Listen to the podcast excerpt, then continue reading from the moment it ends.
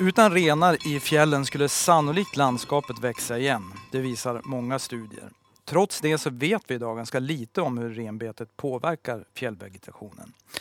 Därför har nu ett gäng forskare bestämt sig för att ta reda på mer om just det. Storslagen fjällmiljö är benämningen på ett av Sveriges 16 miljökvalitetsmål. Det är också namnet på den forskningssatsning som ska ge oss mer kunskap på vägen mot en hållbar utveckling och framtida förvaltning av de svenska fjällen. I forskningssatsningen ingår tio projekt med olika infallsvinklar som var och en kommer att presenteras och diskuteras i denna podcastserie.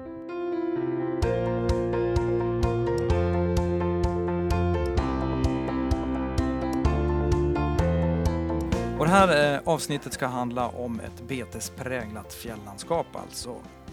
Då säger jag välkommen till eh, Johan Olofsson, eh, docent och forskningsledare eller projektledare för den här forskningen. Docent i vad då? I ekologi vid Umeå universitet. Mm. Så jag har forskat om hur renar och men även sorkar och lämnar påverkar fjällvegetationen. Eh, välkommen också Lotta Ström från Länsstyrelsen i Västerbotten. Eh, Tackar. vad, gör, vad gör du där? Där jobbar jag eh, både med miljömål, att vi, vi har ett litet uppdrag att samordna miljömålsarbetet i länet och följa upp hur det går för miljömålen.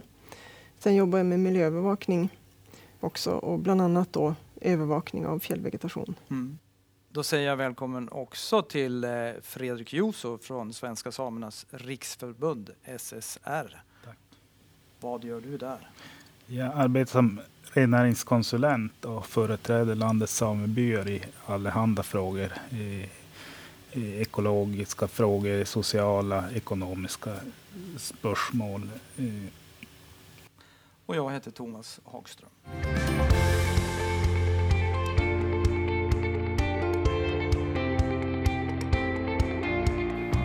Johan, jag påstod ju i, på annonseringen här att fjällandskapet skulle växa igen utan renar. Eh, vad visar tidigare studier?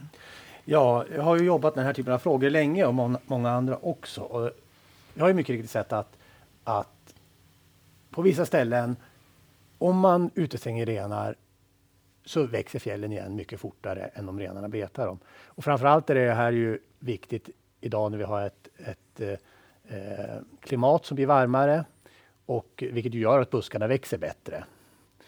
Och, och eh, ehm, den då ökade tillväxt av buskar, den förbuskningen sker menar, snabbare i områden som, som inte är betade än som är betade.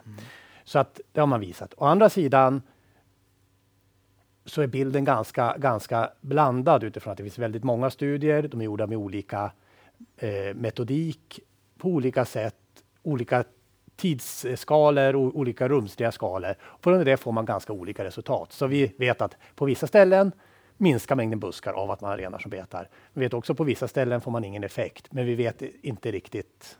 Vi kan ju förklara varför. Men, så, så det är inte entydigt när jag hävdar att det skulle växa igen utan Mm. renarna? Nej.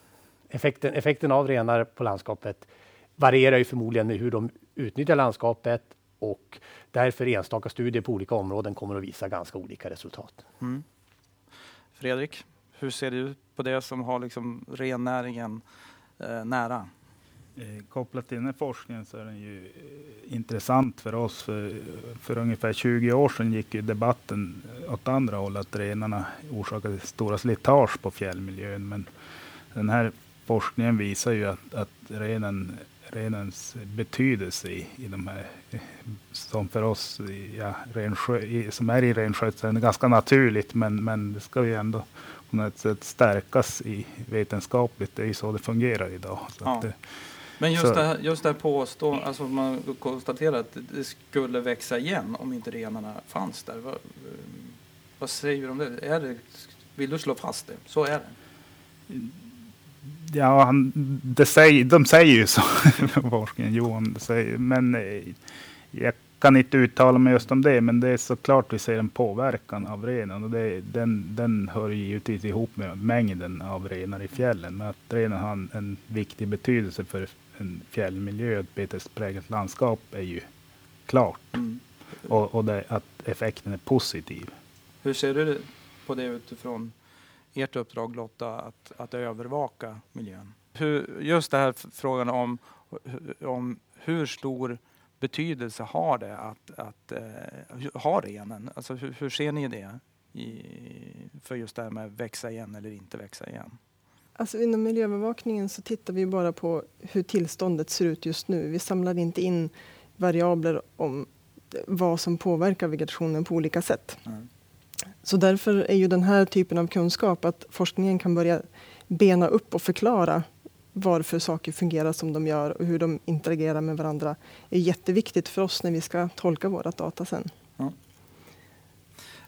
Um, hur, hur, står det till då, Johan, med, med eh, kunskapen om reden, eh, renens betydelse för, för eh, fjällvegetationen?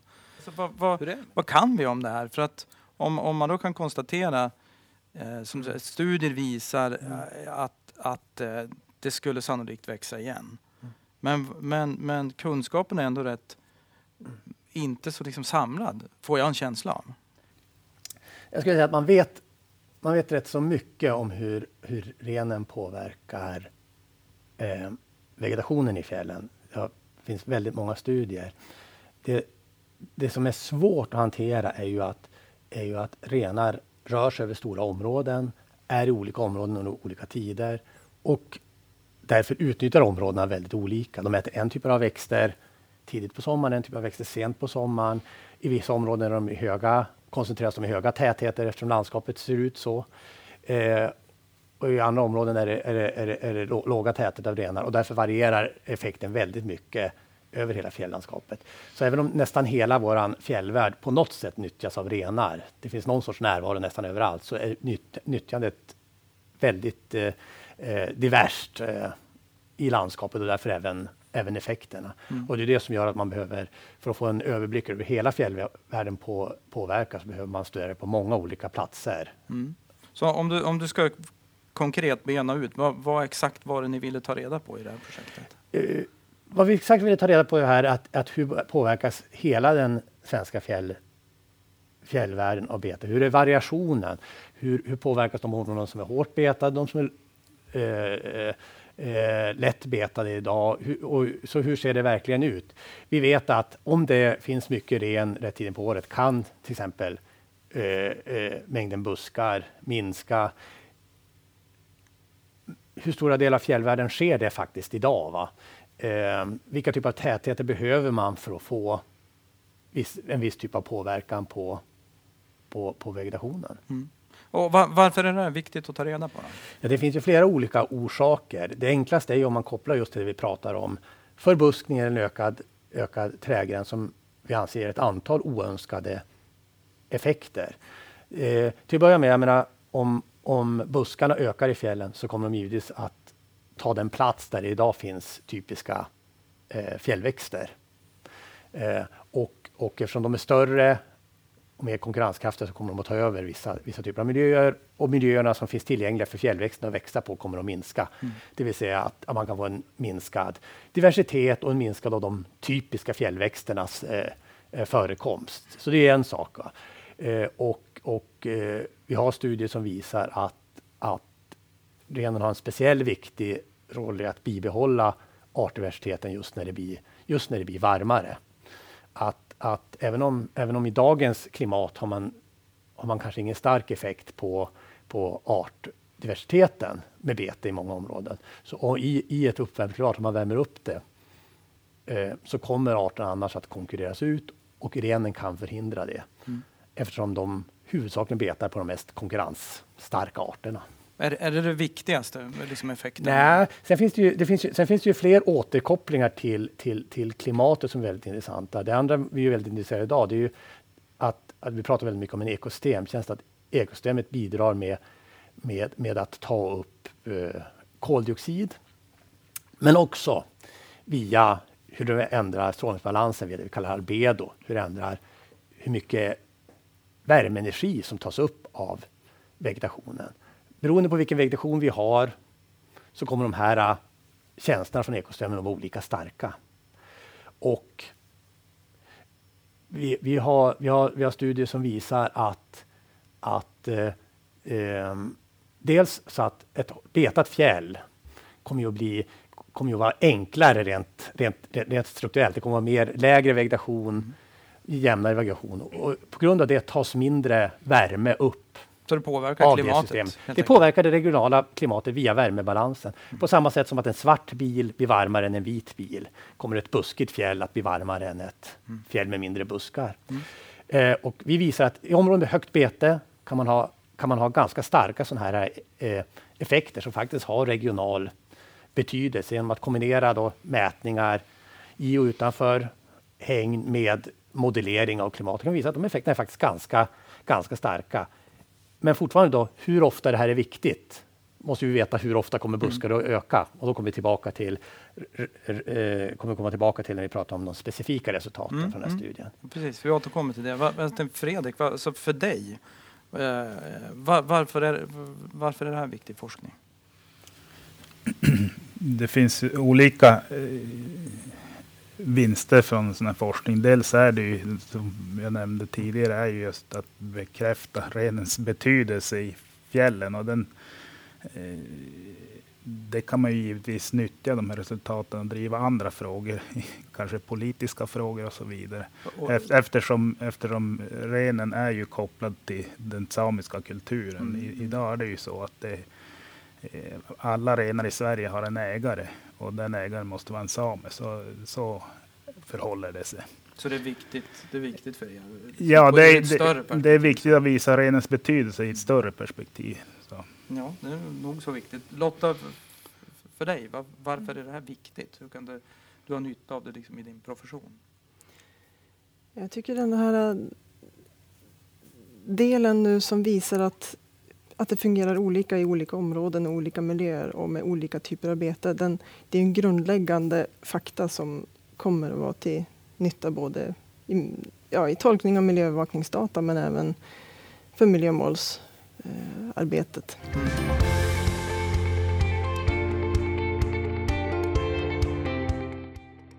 Eh, eh om man ska titta mer på, på eh, det viktigaste Johan som, som ni har kommit fram till, som du har mm. kommit fram till, vad är det? Ja, alltså jag tycker att det viktigaste vi har gjort i den här studien, att genom att vi då har, det vi har gjort i det här specifika projektet, att vi har undersökt alla de hägn där renar har utestängt i ett experimentellt syfte som har funnits i fjällvärlden. Eh, vi har haft vissa kriterier för att välja ut, välja ut de områdena. De ska ha varit tillräckligt gamla, un, ungefär 20 år eller äldre. Eh, de ska ha inventerats Eh, när, de, när de byggdes. Eh, så att man har någon uppfattning om hur var vegetationen när de byggdes. Eh, och eh, de ska vara tillräckligt stora för att kunna göra alla de undersökningar vi vill i. Så den minsta är 8 gånger 8 meter, den största är 100 gånger 100 meter. Med de kriterierna har vi, har vi hängt i 13 olika lokaler runt om i fjällvärlden och eh, totalt någonstans mellan 60 och 70 hägn beroende på hur, hur, man, hur man räknar och vilka som kommer att ingå i, olika analyser. Några har ju gått sönder under tiden och den typen av saker. Mm. Hängn pratar vi om här. Mm. Om man inte riktigt har koll på det, mm. beskriv. Eh, vad är ett hägn? Ja, I det här fallet är det helt enkelt ett, helt enkelt ett, ett, ett hägn utestängning som har byggts för att utestänga renar. Så innanför finns en yta som har varit obetad medan utanför betas det ju som, som, som det normala. Så det som är hängnen här är alltså ett helt helt obetat, obetat fjäll då, som har varit obetat i 20 års tid egentligen. Medan utanför har ju betats på det sätt som det görs, som resten av fjällen runt omkring ja. gör. Du sa, du sa ju tidigare att det här är ju, eh, känner man ju till, eller det finns ju mm. studier som visar det här. Men mm. om du ska vara tydlig med vad, vad är det viktigaste konkreta bidraget här? Ja. Det, det, är att eftersom vi har undersökt alla de här hängnen med en gemensam eh, med samma metodik på alla ställen och att de är så många så kan vi svara på ett antal frågor som vi tidigare inte kunnat svara på. Eh, eh, svaret på frågan blir väldigt specifik. Hur skulle fjällen ha förändrats om det inte hade varit renar där de senaste 20 åren? Det är en väldigt specifik fråga man svarar på eftersom det finns en viss ålder på hängnen, det är en viss typ av behandling. Eh, det andra är att vi kan svara på hur stor skulle den hur stor har effekten av närvaro av renar de senaste 20 åren varit beroende på vilken vegetationstyp man har, och vilken typ av bete man har. Eh, och till exempel kan jag väldigt tydligt i det här datat se att, att, att i de områden med minst bete händer egentligen nästan ingenting under, under, under, de, under de här 20 åren. Men när, när man kommer över ett visst betestryck, då börjar effekterna bli, bli större. Uh, uh, vi kan också se att effekterna är ganska olika på olika typer av, av vegetationstyper. Att på, på uh, mer örtrika gräs, gräsmarker där det finns visst buskinslag får man väldigt fort vide som kommer upp. Mm. Eh, till exempel, så det blir ett skifte i arter från, från högerträngar till viden om det har funnits enstaka videbuskar där till att börja med. Mm. Eh, däremot i en rised är det ju samma växter kommer att finnas, men det blir mer av dem. Så det blir olika typer av förändringar beroende på vad som, vad som finns. Så den typen av saker kan vi, kan vi ty tydligt bena, bena ut och visa på just därför att vi har så mycket data, mycket olika visionstyper och många områden. Är det så ni har liksom, nu kan man med typ en karta så visa, nu så här ser det ut exakt på de här i de här olika landskapsmiljöerna? Ja, kanske inte, kanske, inte, kanske inte riktigt så bra, för man får ju aldrig den upple upplevelsen man vill. Men i alla fall hoppas jag kunna säga att om man går till ett fjällområde, vad kan vi, vad kan vi förvänta oss att renen har för påverkan här utifrån de tätheter vi har. Mm. Sen kommer den skattningen alltid fortfarande ha en massa osäkerheter utifrån vi inte fullt kan kontrollera för jag menar, vilken tid av året det nyttjas, eh, hur mycket, ja exakt eh, eh, vilken, vilken, vilken, hur den här marken svarar specifikt. Så det finns oerhört mycket där som fortfarande är okänt. Men vi, får en bättre uppfattning att kunna dela in. Ja, men här har vi idag en stor effekt eller här har vi inte. Eller, eller om vi ser i det här området tyck, tycker vi oss se att vi för närvarande har en en igenväxning. Hur mycket, hur mycket renbete skulle vi behöva för att se Mm. för att få en jag menar, mätbar skillnad, en skillnad av en viss eh, effekt. Hur, hur, kan, alltså, hur kan ni använda den här kunskapen, Fredrik, när ni till exempel liksom styr där så det inte eventuellt betas för mycket på ett ställe eller, och det växer igen på ett annat, rent praktiskt? just idag av den här forskningen är väl för vår del mer, mer konstatera att, att redan har, renens inverkan på fjällmiljön. Mm. Själva att man, hur man styr betet eh, är ju en, en, en, kunskap som man har haft ganska länge inom renskötsel. Att man, det är, ju, eh, är det högt betestryck så, så så förmodligen sjunker alltså kvaliteten om man kan prata kvalitet på djur, men, mm. men konditionen ska man säga. Eh, och eftersom eh, renskötseln idag lever på att eh, slakta ren, alltså sälja kött, så, så vill man ju sträva efter att ha så god kondition på djuren som möjligt. Och det, det, liksom... det, det givetvis, blir givetvis en balans där man försöker sträva efter att hålla ett, ett rätt antal renar per område. Så, man, så det ger sig själv? Lite ja, det, det ger ju sig själv. Mm. Alltså det, det är väl som allt annat. Nytt, överutnyttjar man resurs och så slår det tillbaka på något sätt. Ja. På något sätt. Sen, sen är det just eh, en annan nytta som, är, som man kan nämna är ju att renen betar ju faktiskt bara halva året uppe i fjället och resten av tiden är den nere i skogen på, på vintertid. och det, det måste man ha i åtanke att ska man ha renar uppe i fjällen tillräcklig mängd så måste man även se, kunna nyttja skogarna för, för bete på vintern. För det är ju den stora mm. flaskhalsen idag i renskötseln. Det är ju tillgången till, till bete på vintern för renar. Just det, va, va, alltså det kan ju lova, man kan ju få för sig om att, att alltså renen har otroligt stor, att det är den största påverkan på hur, hur landskapet ska se ut. Hur, hur, är det med det? Alltså, så vi får en bild av hur stor är påverkan egentligen? Jag har ju under lång tid forskat både om effekten av renar och effekten av sorkar och lämlar. Och det som är tydligt är att sorkar och lämlar har ju i alla fall på kort tid en mycket större effekt på vegetationen än vad renar har. Helt enkelt därför att de äter mer. Och det, det är så enkelt att sorkar och lämlar är på fjället året runt och därför äter de väldigt mycket växter, framförallt under vintern för att hålla sig vid liv hela vintern och då är effekten väldigt stor. Eh, så under en eh, sorkel lämmeltopp kan vi se att 10 till 15 procent av all grön biomassa på fjället äts bort eh, på, på landskapsnivå. Eh, eh, Medan renar kanske äter 2-3 procent. Då betar de ganska mycket på landskapsnivå. Eh, så att, så att, så att betestrycket av sorkar är mycket högre. Allt det väl, handlar om någon slags samspel i, i naturen, mm. att olika djurarter påverkar varandra. Vi vet ju, eller ser ju till exempel ripan är ju, är ju beroende av mm. renbete under vissa förhållanden. Det finns andra djur som, som det är ett. Ja, ja du, rovdjur äter ju renar och, mm. och, och, så vidare. Så ja. det, allt handlar ju kanske om ett samspel. Men ett, som det, det man eh, kan känna sig mest orolig över idag är klimatförändringar. Mm. Så är det. Hur, hur, ser du på det Lotta? Vad, vad, är det som är liksom viktigast för att miljömålet ska uppnås? Nu pratar vi renar specifikt, men hur ser, hur ser du på det, balansen mellan renens inverkan, klimatets eh, påverkan? Eh, ja, en av de största anledningarna att vi ändrade i Västerbotten, att vi inte kommer att nå miljömålet utan att vi bara är nära, det är ju klimateffekterna mm. också. Så det ser vi som det stora problemet. Men, eh, men sen så är det ju mycket att allting ska fungera ihop. Det är mm. många som ska rymmas på fjället nu. Ja, och renen, många olika aktörer och renen är en väldigt viktig ja, del. Som också påverkar klimaten in, i, klimatet ja. indirekt. Mm.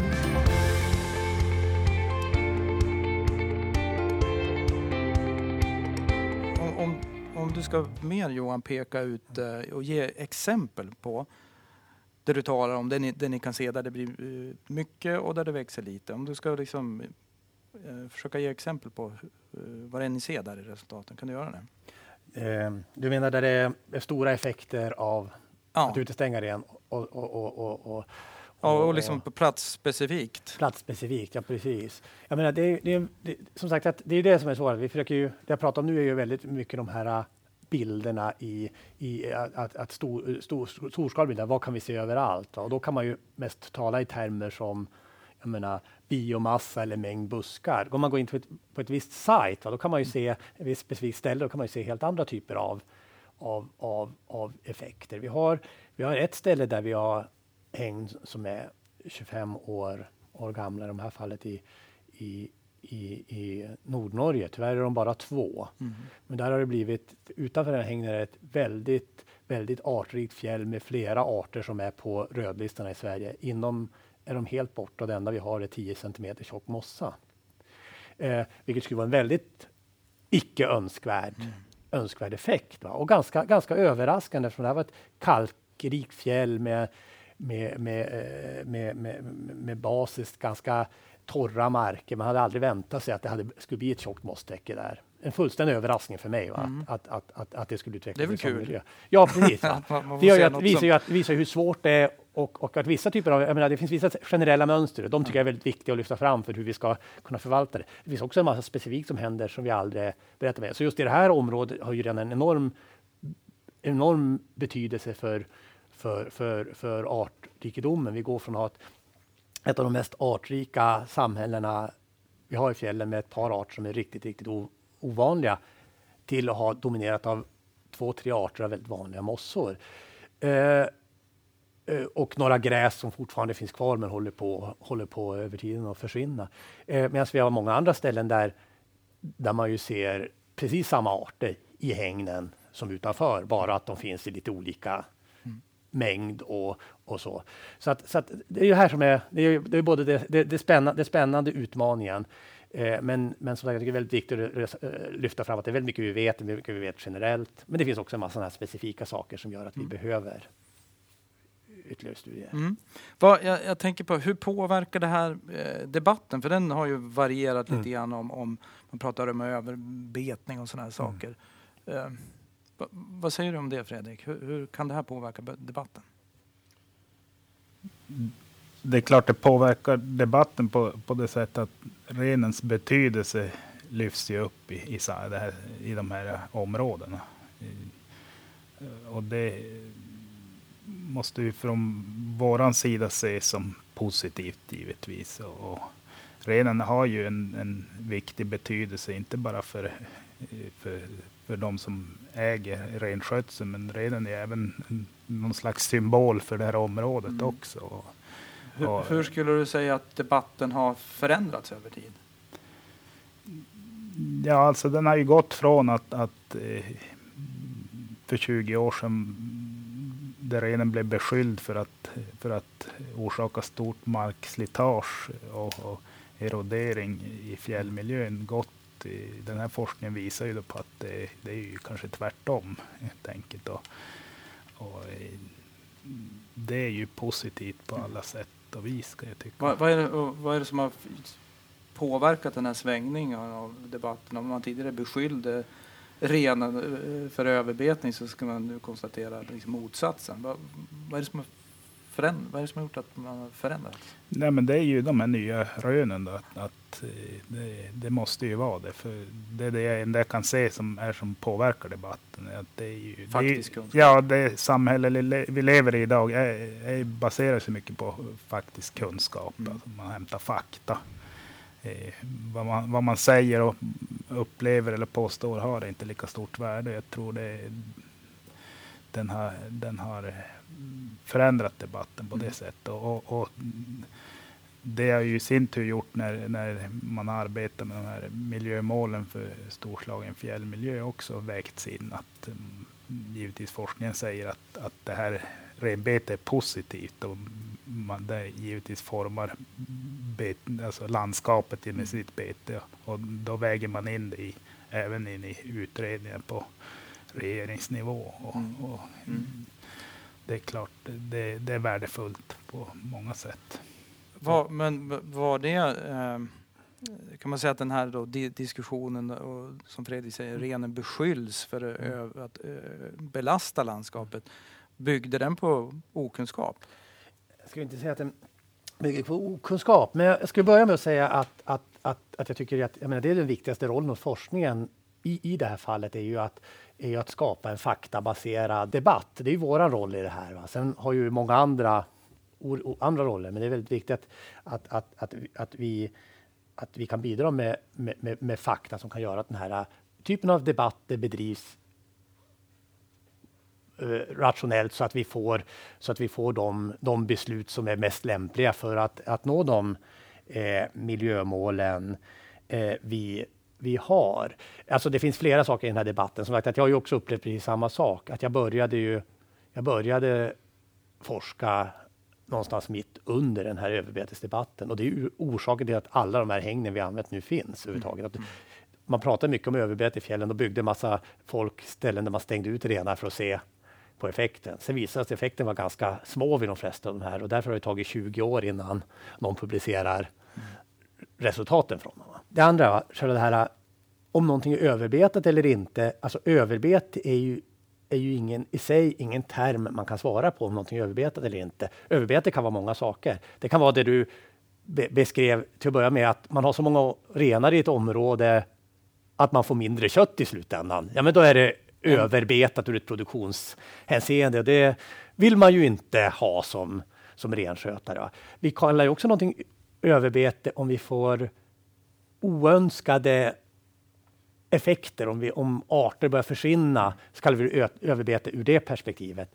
Eh, så det är ett värderingsperspektiv att vi, att vi av någon anledning att de många renar leder till ett oönskat, oönskat tillstånd. Mm. Jag tycker i den tidigare debatten hade man glömt bort den biten, att vad var det man inte ville?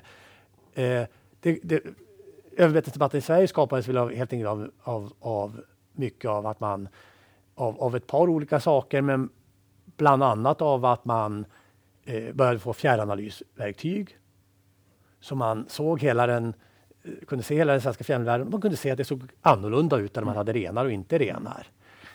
Och andra var att man började kunna observera skillnader längs vissa av sådana här storskaliga, jag menar, här typen av stängsel som hade byggts med grän, mellan gränserna mellan eh, Sverige och Norge till exempel. Va? Det fanns stor, långa gränsstängsel som man ser att det ser olika ut på de här två olika ställena. Mm. Och så börjar man kalla det överbete. Och för att, jag menar, och, och det säger jag, det, är ju, det är ju en, en, en, förändring är, är aldrig överbete, utan överbete är, är en förändring till ett oönskat tillstånd och sen måste man definiera vad, vad, vad det är man vill eller inte utanför vilka perspektiv. Och det mm. tycker jag bedriver. Och min forskningsroll är väldigt mycket för fakta. Jag menar, hur, hur förändras det från ett tillstånd till ett annat och vilka effekter har det? Eh, vad, vi har vad vi önskar få eller inte är, ju, är, ju, är ju i det här fallet satta av antingen av rennäringen och fjällmiljömålet. Mm, mm. Va, va, hur kan det här Lotta påverka en sån här debatt? Påverkar det överhuvudtaget myndighetsarbetet och övervakningen?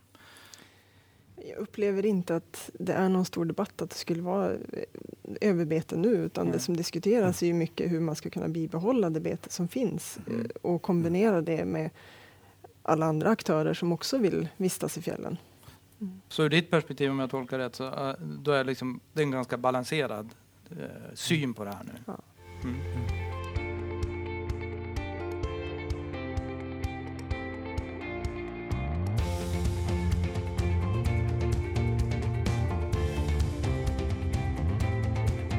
Den här debatten eh, pågår ju eh, på annat håll också, inte minst i Finland. Var befinner de sig i, i debattläget? Ja, som sagt, i Sverige pratar vi idag aldrig om att vi betraktar fjällen generellt som, som, som överbetade idag. I Finland är eh, debatten den motsatta. Där har det under det senaste året eh, blossat upp en stor överbetesdebatt med ganska många insändare i tidskrifter och mycket argument som påminner på många sätt av de vi hade i, i Sverige under 90-talet. Va, vad beror det på? Då? Även om vetenskapen är väldigt internationell så diskussionen av förvaltning av den här typen av frågor är ganska nationella. Så de föder inte varandra särskilt, särskilt mycket. Sen, där pratar man konkret, alltså överbete? Man pratar om överbete, om, om, om erosion och förstöring av fjällen. Vilket, vilket, och, och det, det upplever jag att jag menar, utifrån argumenten att fjällen har påverkats, inte utifrån om den påverkan man har är önskvärd eller inte. Men vad, vad, vad, vad, tycker du då? Är de fel ute? Eller ja, jag, alltså jag, tycker, jag, jag, tycker att, jag tycker att debatten är, jag tycker att debatten är otydlig. Va? Det, det, det är det jag menar, att den ska, vara, den, ska, den ska vara baserad på fakta, vad vill man? Vi har ingen hot av renbete på artdiversiteten till exempel i det här fallet. Eh, om vi har ett överbete med så många renar så att det påverkar produktionen hos renarna, det, det tycker jag huvudsakligen är en fråga för, för renskötarna. Jag är övertygad om att de bedriver rätt rationell rennäring.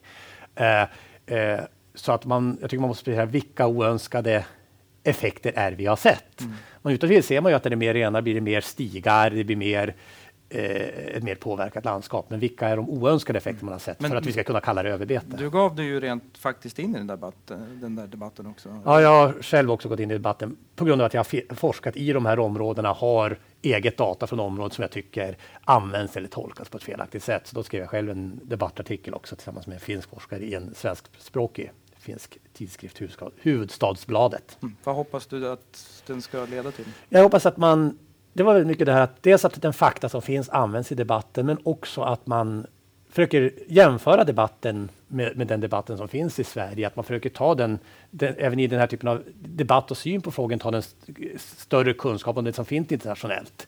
Eh, eh, att man inte behöver eh, menar, uppfinna hjulet i varje land, utan att man drar nytta av dem, den mm. debatt och kunskap som har förts i, i Sverige. Och där miljökvalitetsmålarbetet i Sverige är ju mycket mer har, har, inkluderat de här frågorna på ett mycket mer adekvat sätt. Mm. Hörrni, vi ska ta och, och släppa in ytterligare en, en, aktör som har ringt in en fråga. Ja, hej! Eh, Erik Hellberg Mersak heter jag, jobbar på Naturvårdsverket. Jag jobbar med frågor som rör förvaltning av eh, skyddade naturområden och eh, friluftsliv i fjällmiljö. Och betespräglat landskap är ju ett centralt begrepp i preciseringen av miljökvalitetsmålet storslagen fjällmiljö. Och jag har förstått så finns det utmaningar att definiera det här begreppet men också att förstå i vilken grad och på vilket sätt olika typer av bete präglar fjälllandskapet. Jag jobbar ju som sagt med frågor om förvaltning av natur och upplevelsevärden i fjällen. Och för att utforma en förvaltning för att uppnå miljökvalitetsmålet så behöver vi förstå då betets betydelse för naturtyper och arter och även upplevelsevärdet i landskapet i olika skalor. Så min fråga till er är därför vilka samband mellan bete och fjällens vegetation och landskap har vi god kunskap om idag? Eh, och vilka delar av det här behöver vi lära oss mer om för att klara av att förvalta fjälllandskapet med sikte på miljökvalitetsmålet? Mm, vad säger ni? Vem vill svara på det där? Ja, jag, kan väl, jag kan väl börja lite grann. Att I miljökvalitetsmålet har vi ju det här begreppet att vi vill eh, bibehålla ett betetpräglat eh, landskap. Det är ju det, det, låter ju väldigt fint, men det kon konkret är det ju ganska svårt. Helst skulle man ju då kunna säga, här har vi indikationer för, indikatorer, för här har vi ett betespräglat landskap och här har vi det inte. Eh, och det, det, är inte helt, det, det, det, är inte helt enkelt. Eh, den påverkan man har i ett område, är ofta typ, men har vi mer ren ett område har vi fler stigar. Ska vi ha renstigar är ju som en betespräglat landskap, men det kanske inte nödvändigtvis en, en, en, en väldigt stark eh, positiv indikator. Eh, sen har vi ju frånvaro av en massa saker. Vi får inte en massa buskar som kommer in. Eh, och eh, men frånvaro av saker är ju inte heller särskilt läm lämpliga in indikatorer. Så här är det väldigt krångligt. Det andra jag tycker är krångligt är ju att det här handlar om ett landskap som har ah, undervisats under väldigt lång tid. Vi har spår av nyttjande för tusen år sedan, vi har spår av nyttjande för hundra år sedan och vi har spår av betet som skedde igår.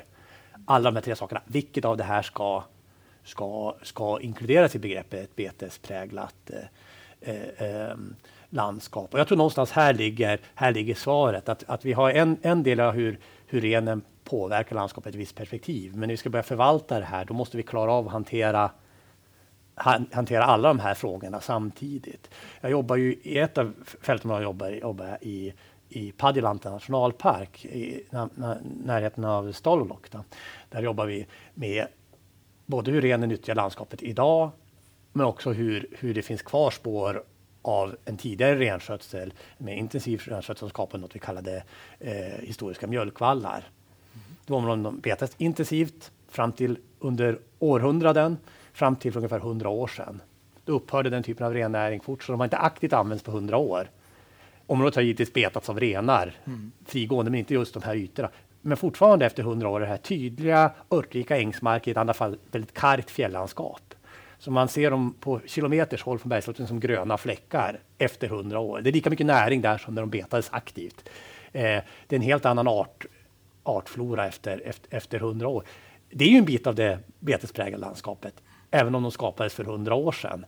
Eh, eh, på samma sätt som renarna som går omkring där och vi ser aktivt utföra någonting i fjället just nu, de betar just nu, va? Är, är, är en del av det betespräglade landskapet. Och, och alla de här effekterna på förbuskning, på artmångfald. Så det är ett väldigt komplext begrepp, stor olika delar och vi har så att en utveckling av specifika indikatorer mm direkta förvaltningsmål är ganska svårt, utan det kommer att måste kunna... menar, I sådana fall måste man kunna bena, bena, bena ner det till mer precis. Vad är det man, vad är det man frågar efter? Va? Det finns ett antal, menar, ett antal spår indikationer som visar att det här är ett område som är utnyttjat. Kan, man kan se olika spår visar hur det har varit utnyttjat över olika tider. Vad, vad säger Fredrik, alltså just de här sambanden som man har ute, vad, vad vet vi mycket om för samband idag och vad ser du utifrån rennäringsperspektiv? Vad är det för samband som, som vi behöver rota lite mer i? Eh, de sambanden från rennäringsperspektivet är ju... Eh, eh, det finns en o, ett nyttjande av fjällen som inte alltid går hand i hand med renskötseln. Det är en viss jakt som pågår i fjällen. Vi har en annan turism som ibland krockar mellan, mellan renskötseln och ja, turistföretag och turism, eh, de som utövar turistverksamhet mm. helt enkelt. Och, och, det är klart, eh, på vissa områden får, måste man ju göra eh, avvägningar vad som ska finnas där mm. eftersom det, det, är rätt trångt på en del ställen i fjällen. Sen, sen pratar man indikat faktorer som Johan nämnde, så, så för renskötselns del, den, den främsta indikatorn är ju konditionen på renen helt mm. enkelt. Mm. Man ser ganska fort om en, om en ren har tillgång till bra bete eller inte tillgång till bra bete. Eh, så är det och, och, det är väl den indikator från renskötseln som, vi, vi, vi, som är viktigast, som är viktigast för, för oss. Men, men, och det de här sambanden om, om konkurrensutsättningen som uh, renen har. Är det det du känner, där skulle man behöva uh, mer? På vissa håll är det ju så. Det är ju ofta kopplat till där, där de stora riksvägarna går över till Norge blir ju givetvis trycket från, från annan verksamhet större. Mm. Eh, konkurrensen om marken större och slitaget större givetvis. Mm. Så att, eh, eh, där behövs det antagligen mer kunskap och, och, om samband.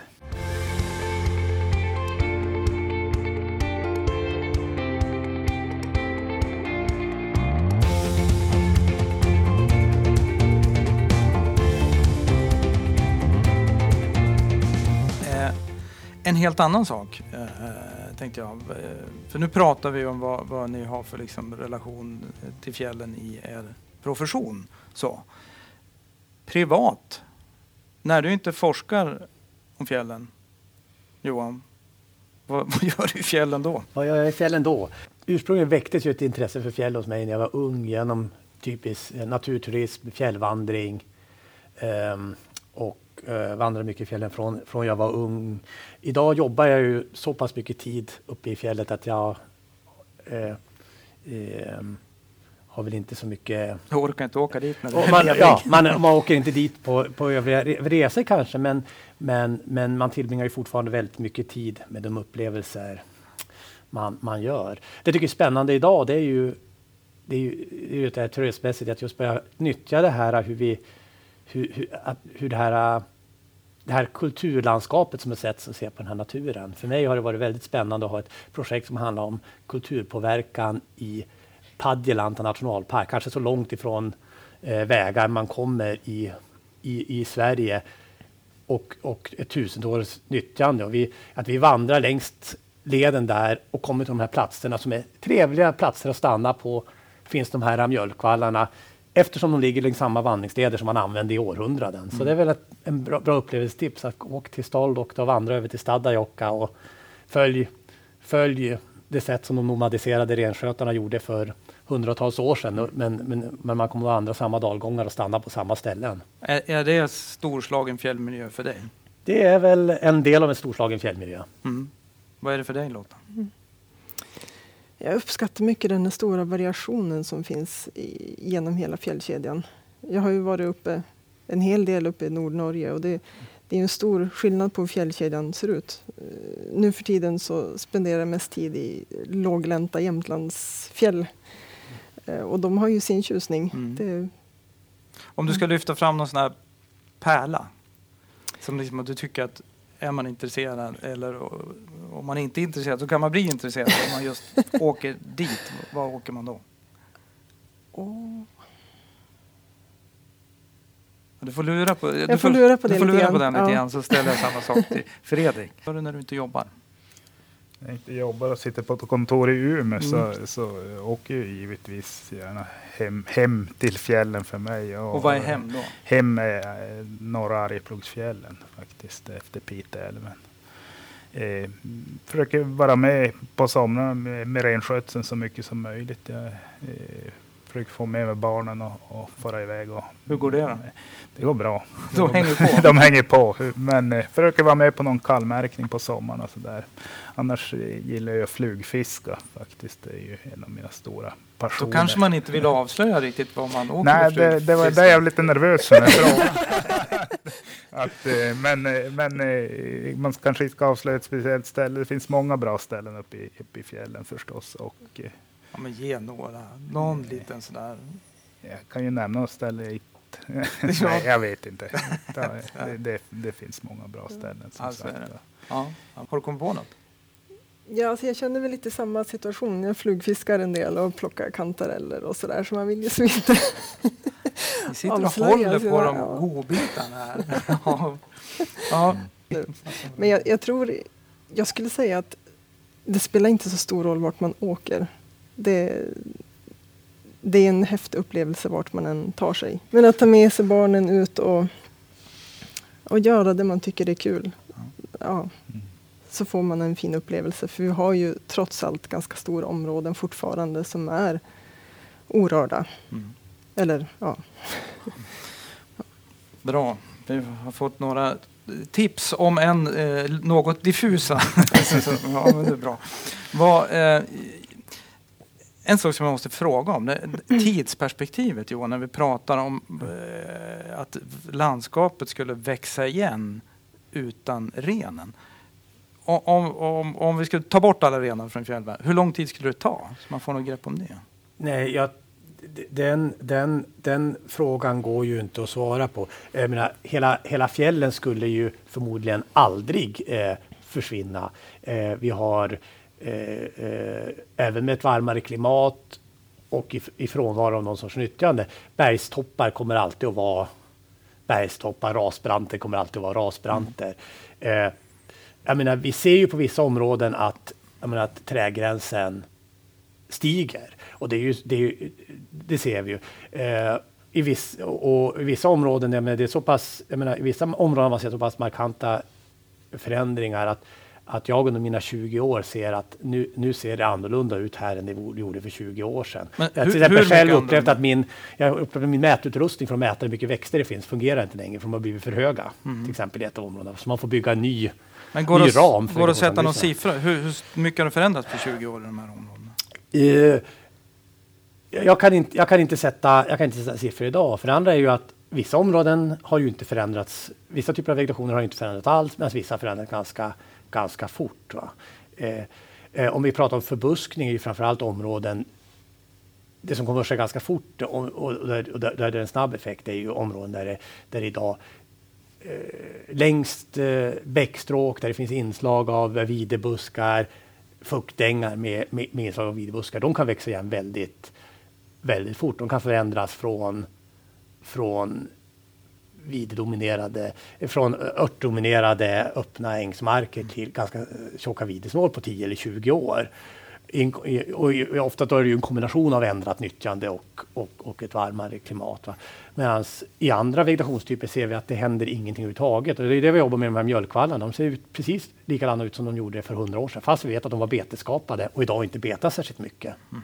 Så de förändras ändå inte förrän vegetationen där fortsätter att dominera om, området. Så, att, så att det kommer att vara en väldig... Det, det, det, går, det går inte att svara på frågan på det sättet, utan den är väldigt variabel. Mm. Men, men jag menar, sker ju så pass fort att man på stor skala kan man ju, kan man ju mäta att den, att den sker nu. Vi ser att fjället har blivit grönare. Vi ser att hela Arktis har blivit grönare. Det har blivit mer buskar i hela, hela Ark, Arktis. Eh, eh, men vi ser också på, på om vi tar på en specifik lokal att där kan det ha gått åt precis motsatta hållet. Mm. Du, den här metoden som ni använder, ser mm. du att den är tillämpbar i, no, i andra miljöer? Mm. Det har vi försökt göra i de här uh, studierna, det är att vi försökt använda, använda standardiserad metodik på väldigt många ytor, vilket gör att vi kan ge mycket mer eh, Eh, eh, konkreta svar på vad som händer. Vi har mätt på samma sätt. Vi kan, vi, vi, vi, vi kan svara på att, jag menar, till exempel att där renar har varit har det blivit så här mycket mer täckning av vegetationen med samma mått, vilka absoluta mått. Det andra vi gör är att vi använder samma typ av utrustning och mäter samma saker som man gör från satelliter.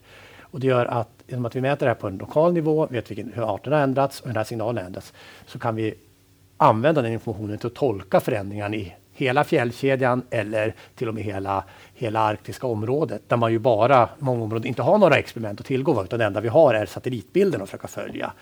Och, och, och med den metodiken att använda information på olika skalor hoppas vi kunna skala den här informationen och, och ge information på, den, på de, de skalor man behöver för att besvara de olika frågorna vi, mm. vi har i framtiden. Och det tror jag vi är ganska långt framme med i de här systemen och skulle kunna användas mycket mer i, i, i många andra system som till exempel eh, skog eller jordbruksmark. Mm.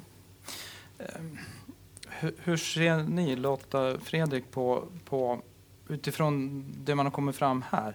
Vad skulle ni se om det här, om Johan tar itu med och går vidare? Vad ser ni att det skulle kunna vara? Vad skulle vara viktigt för dig, Fredrik? Det är en svår fråga vad, vad framtiden eh, kommer med. Men, men jag säger att eh, det största orosmomentet är väl klimatförändringarna och hur man hanterar det givetvis. Men eh, man säger nyttan av sån här forskning är ju renskötseln eller renbete i fjällen har ju gått från att vara på 20 år från att vara utskällt till att räknas som en resurs i ett miljömålsarbete eh, för en storslagen fjällmiljö. Och, och sån här forskning är ju av nytta där. Mm. Eh, sen kanske man... Sen, sen rent, eh, kan det finnas ekonomiska incitament också för en forskning att visa att så här många, mycket renar klarar just det här området. Att man kan på ett bättre sätt från renskötseln anpassa sin, storleken på, på renjordarna antalet djur på, på en viss yta. Mm. Det är väl det jag kommer på just nu. Ja. Jag tänkte, du, du pratade ju tidigare om att, att eh, det som är svår, svårt, eller som det, där du känner att det här ska man behöva eh, utröna, det är ju vinterbetet. Mm. Kan det vara någonting som att sätta tänderna i? Absolut, där, där har vi Det är ju så att, att renen tillbringar barmarksperioden uppe i fjäll så påverkar renbetet där under den perioden. Sen behöver ju renen mat hela året om och det sker under vintern. Och, och det är väl egentligen där flaskhalsen är idag för, för landets renskötare, är ju just vinterbete, där man har dels en, en konkurrens om markerna från andra eh, näringar som skogsbruk, du har utbredning av samhällen, du har vattenkraft i viss del. Men, men även eh, det vi ser då klimatpåverkan ganska tydligt. Hur då?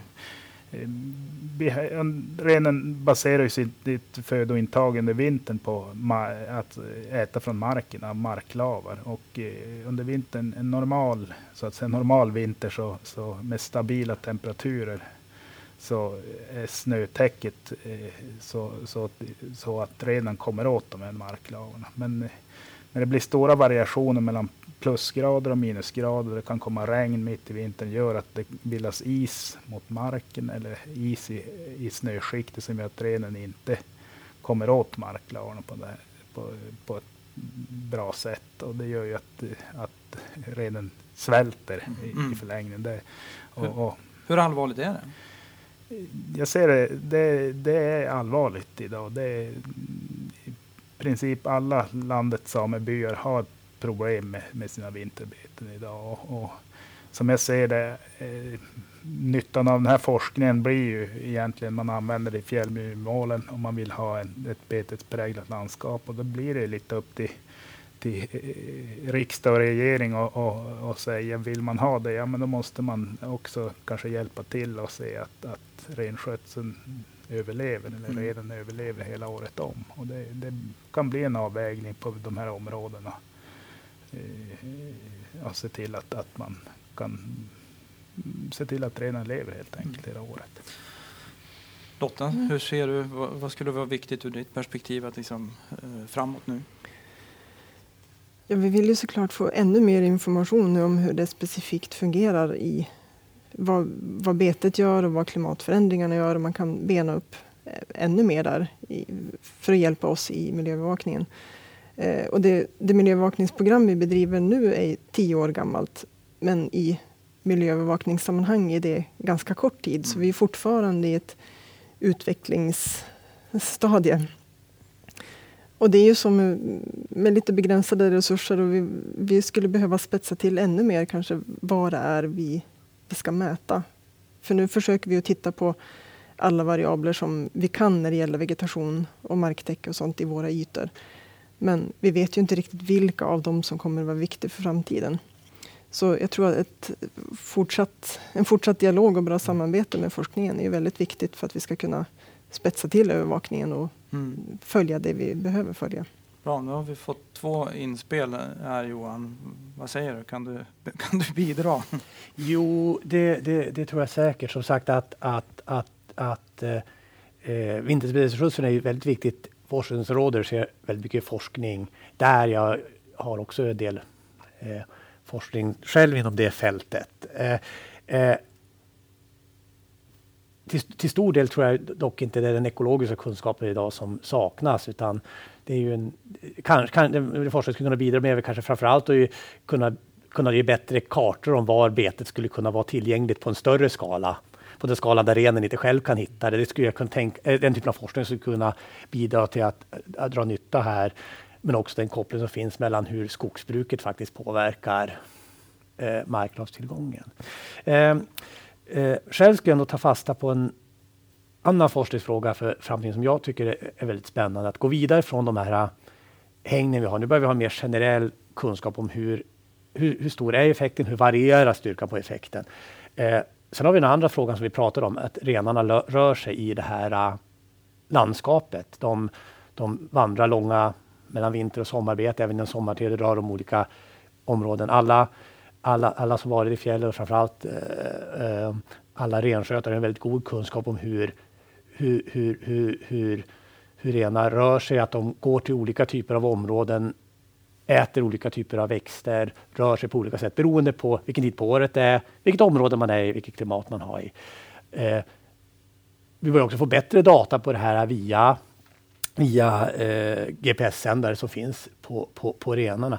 Eh, nästa steg för att kunna få den här specifika kunskapen, hur påverkas det här fjället, vore att få en förståelse för att hur kopplar de här effekterna, inte bara, inte bara tätheter, mängd, grovt, men hur de rör sig i landskapet, hur de nyttjar landskapet med, eh, eh med, med de effekter man ser på, på vegetationen. Eh, det är det komplexa nästa steget som på något sätt tidigare har varit omöjligt, men de kunna kombinera eh, mer data om hur de rör sig, kanske mer data om vad de äter specifikt på olika platser via modern eh, DNA-teknik, men också via att kunna få en rumslig skala av påverkan via jag kallar satellitbilder och tolkningar. Så det... Skulle kunna få det. Men det skulle också då kräva en ännu mer aktiv samarbete med, med de som faktiskt eh, äger och sköter renarna också. Så det är en annan utmaning att, att, att, att, att för att nå dit kommer det behövas även samarbete. ett samarbete, direkt samarbete med, med, med renskötare. Men, Dels för den kunskap de har, men också deras vilja ha det. Nej, inte ett, inte ett problem, men det är en utmaning eftersom min huvuduppgift är forskning, deras huvuduppgift är ren, ja. ren, renskötsel. Mm, Samarbeta med forskare är ju vi, vi, någonting de ofta är, är positiv till, men, men det är ju inte det de har betalt för eller ägnat sin tid åt. Mm. Eh, så, att, så att det kräver ju Nej, men det, kräver ju en, det kräver ju att man möts kring saker man båda är intresserade av att göra. Och det är ju aldrig, eh, det är ju aldrig, det är aldrig lätt. Va? Hur lätt eller svårt är det, Fredrik? Ja, det är som Johan mm. säger, man måste nog enas om att hitta gemensam nytta ja. i det hela mm. för att det ska gå vägen. Det, det, är ju så att man ofta ställer upp med sin, mm. sin egen tid eller tid man ska mm. gjort något annat för mm. forskning. Och det, det, är, det är inte alltid lätt. Nej, det ger det inte. Om man inte ser nyttan när det är mm. svårt kan ja, ja. ja, är det svårare att ställa upp. Men det, det du lyfter nu då, kommer det att bli fortsättningen? Det, det, det, är nog en av de fortsatta stegen från det här, ja precis. Det, det, det, det, att, att, att kunna, för, kunna förstå ännu mer den här jag menar, varias, variationen i det rumsliga nyttjandet och hur det ger mm. variationen i effekten mm. för att då kunna ge specifika svar. Om någon kommer frågan hur påverkas det här fjället nu? För då mm. behöver man både kunskapen om, om hur många renar det är, men hur det nyttjas och, och hur det nyttjandet kopplat till vad som är vegetationen. Bra. Tack så mycket alla tre. Vi vet betydligt mycket mer om det retes, eh, renbetespräglade landskapet. Tack så mycket. Forskningen för storslagen fjällmiljö finansieras av Naturvårdsverket i samverkan med Riksantikvarieämbetet. Alla avsnitt i denna podcastserie hittar ni på www.storslagnafjall.se och där kan ni också läsa mer om projektet, se vilka forskare som ingått och vilka publikationer som getts ut.